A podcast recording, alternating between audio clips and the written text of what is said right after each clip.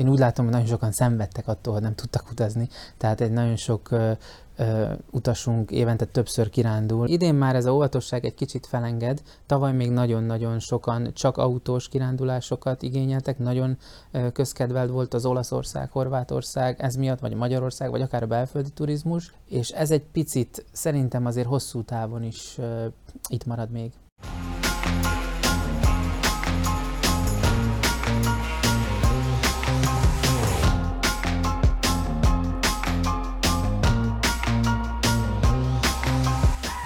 Üdvözlöm a kedves nézőket!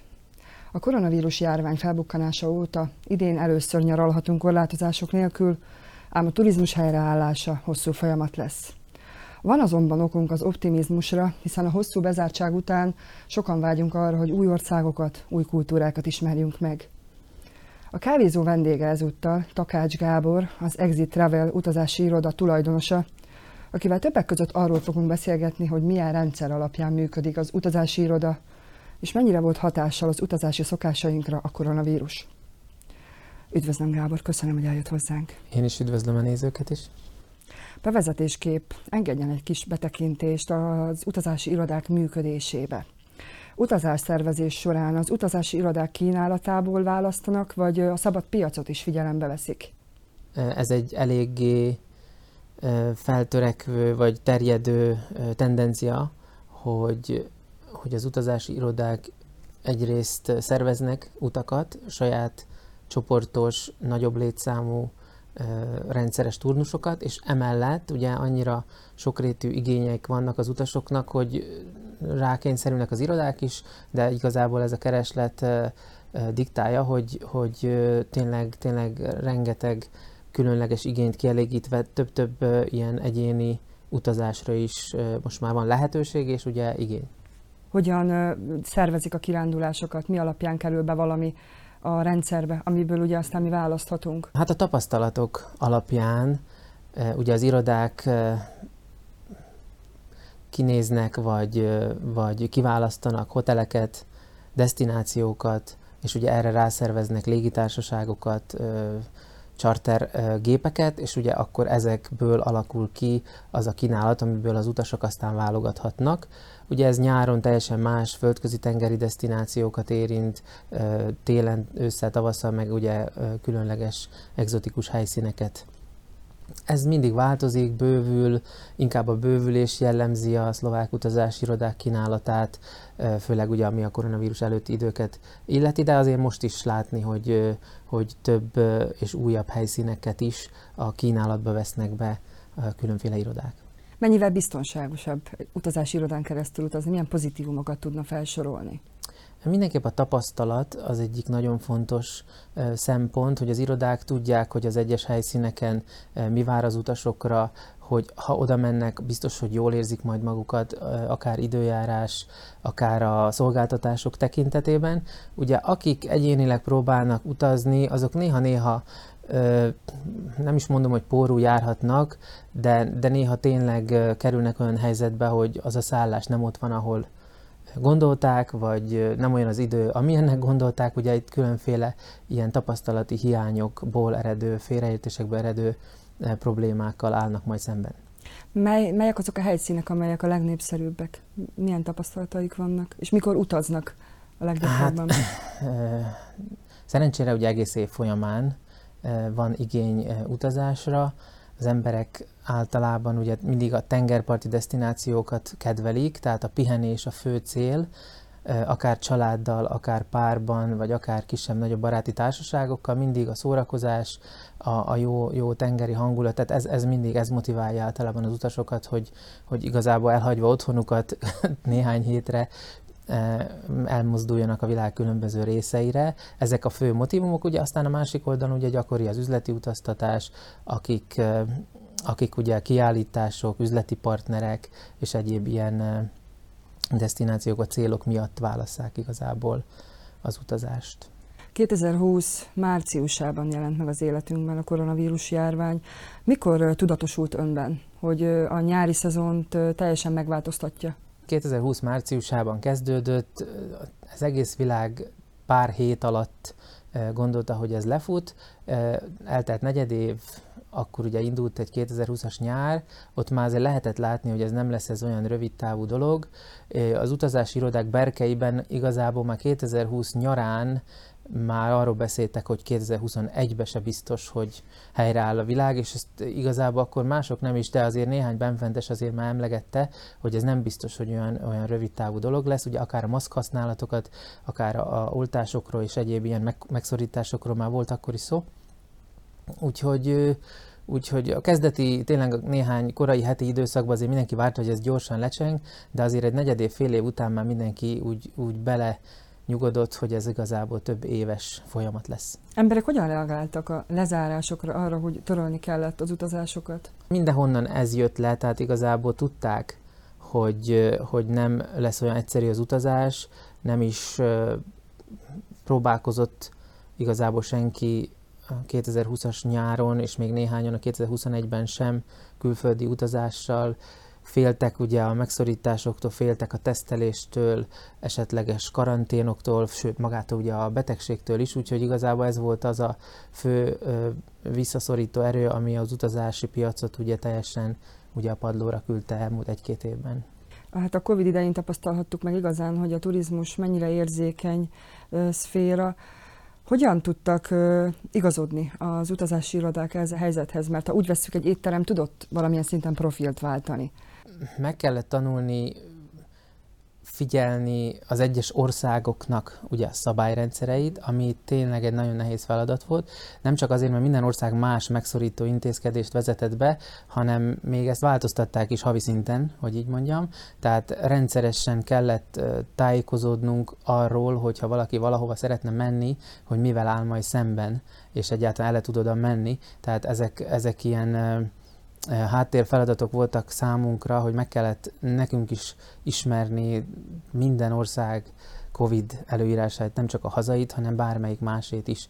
És ugye ez egy ilyen alkalmazkodási folyamat volt, hogy ugye egy kicsit több, annak ellenére, hogy kevesebb volt az utas, kevesebb volt a munka, a másik oldalon egy másik munka, viszont több lett, tehát adminisztrációja egy utazásnak sokkal nagyobb, mint a, úgymond a régi időkben. Tehát több regisztrációra, papírmunkára, biztosításokra, sok minden egyéb folyamatra és dologra van, van most is még szükség, mint az előtt. Nem merült fel annak a lehetősége, hogy be kell zárni az irodát e- ennyire súlyos? Nem, nem, nem, nem, mindig, tehát minden körülmények között voltak utasaink, különféle családi, üzleti, vagy tényleg néhányan még kiránduló jelleggel is, és nem, egyáltalán nem. Persze volt, amikor sokkal kevesebb feladatunk volt, mint máskor, de, de, de igazából mindig volt mit csinálni. A járvány következményeként vannak olyan új trendek az utazók körében, amelyek hatással vannak az utazási szokásainkra? Idén már ez a óvatosság egy kicsit felenged. Tavaly még nagyon-nagyon sokan csak autós kirándulásokat igényeltek, nagyon közkedvelt volt az Olaszország, Horvátország, ez miatt, vagy Magyarország, vagy akár a belföldi turizmus. Lehet, hogy ez meg is marad még idén is, tehát még mindig bizonyos csoportok, családok döntenek úgy, hogy nem ülnek repülőre, vagy nem akarnak maszkot használni, nem akarnak kockázati vagy kockázatosabb destinációkon menni, és ezért megmarad a közeli, közeli destinációknak a, a, a szépsége, vagy a kínálata, vagy a kereslete is, és ez egy picit szerintem azért hosszú távon is itt marad még. Utazások előtt milyen jó tanácsokkal szokták ellátni az utasokat? Mi az, amire mindenképp figyeljenek? Tehát mindenképp figyelni kell arra, hogy ugye az úti okmányok rendben legyenek. Pár éve ugye bevezették a legkisebb gyereknek is kell akár útlevél, most már a személyigazolvány is, hogyha fényképes, használható utazásra, de ugye csak Európai Uniós területen. Különösen oda kell figyelni most Angliára, ugye az egy kilépett az Európai Unióból, és most már útlevéllel lehet csak utazni, de sok más destinációban is ez a két éves kiesés, néhány okmány lejáratát, főleg a gyerekeknél eredményezte, tehát mindenképpen szoktuk felhívni a figyelmet, hogy ezt nézzék meg az utasok.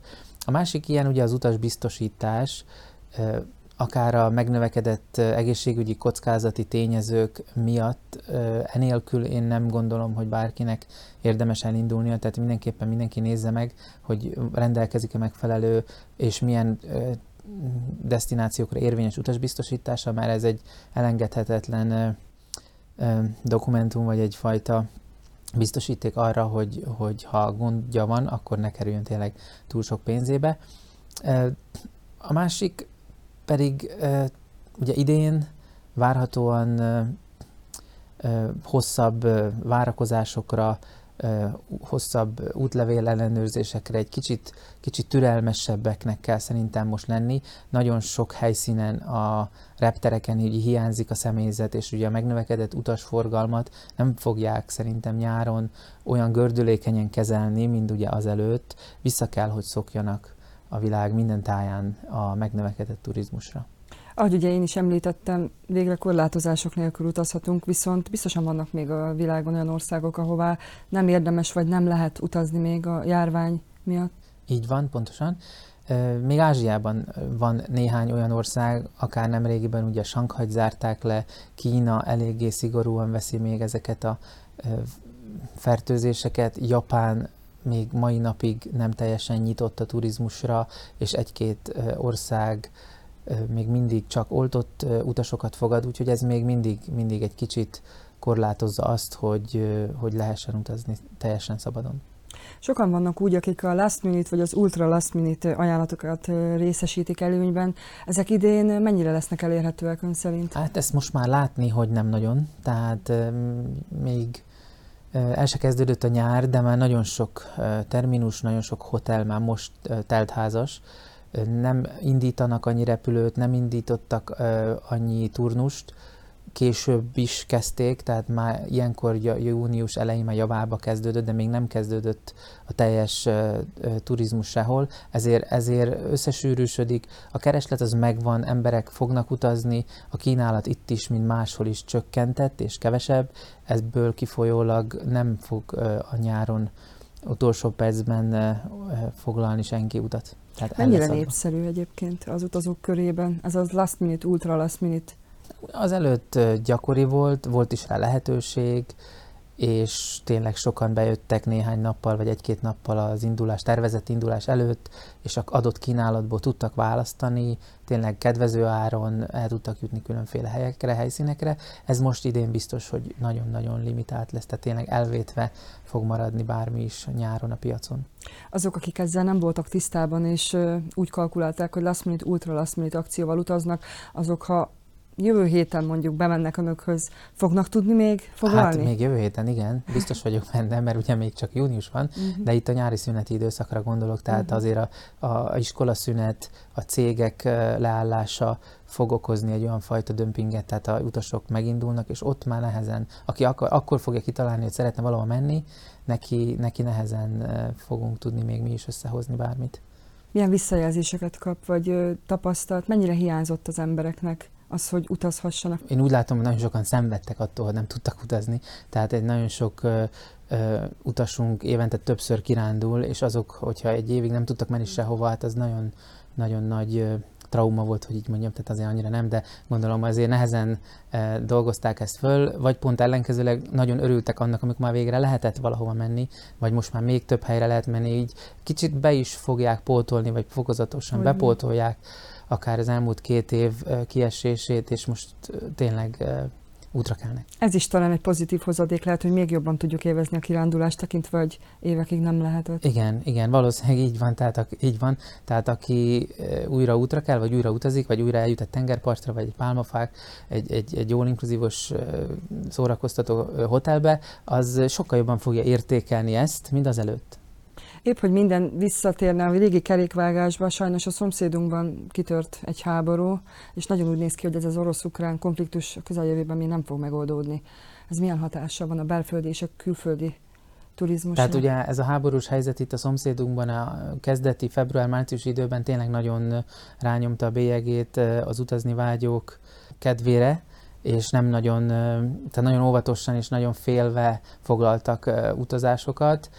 Tényleg eltett néhány hónap, látszik már az, hogy, vagy legalábbis bízunk benne, hogy vagy megoldódik, vagy legalábbis kicsit lokalizálódik, és nem terjed tovább ez a konfliktus, és ugye ez, ez egy kicsit, kicsit segíti azt, hogy, hogy a utasaink azért biztonságba el fognak nyáron jutni bárhová, kerülve ugye azokat a háborús vezeteket, ahol, ahova nem lehet, de most már megnyugszik igazából ez a fajta pánikhelyzet.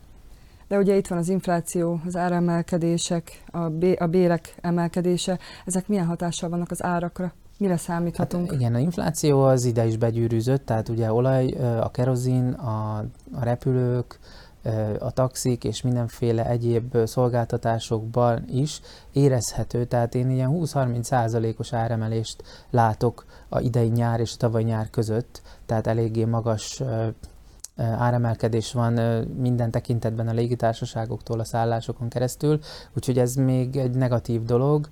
Nem tudom, meddig fog ez folyni, reméljük, hogy ez meg fog állni. Vannak olyan költségek, amelyek kimondottan a járvány miatt bukkantak fel?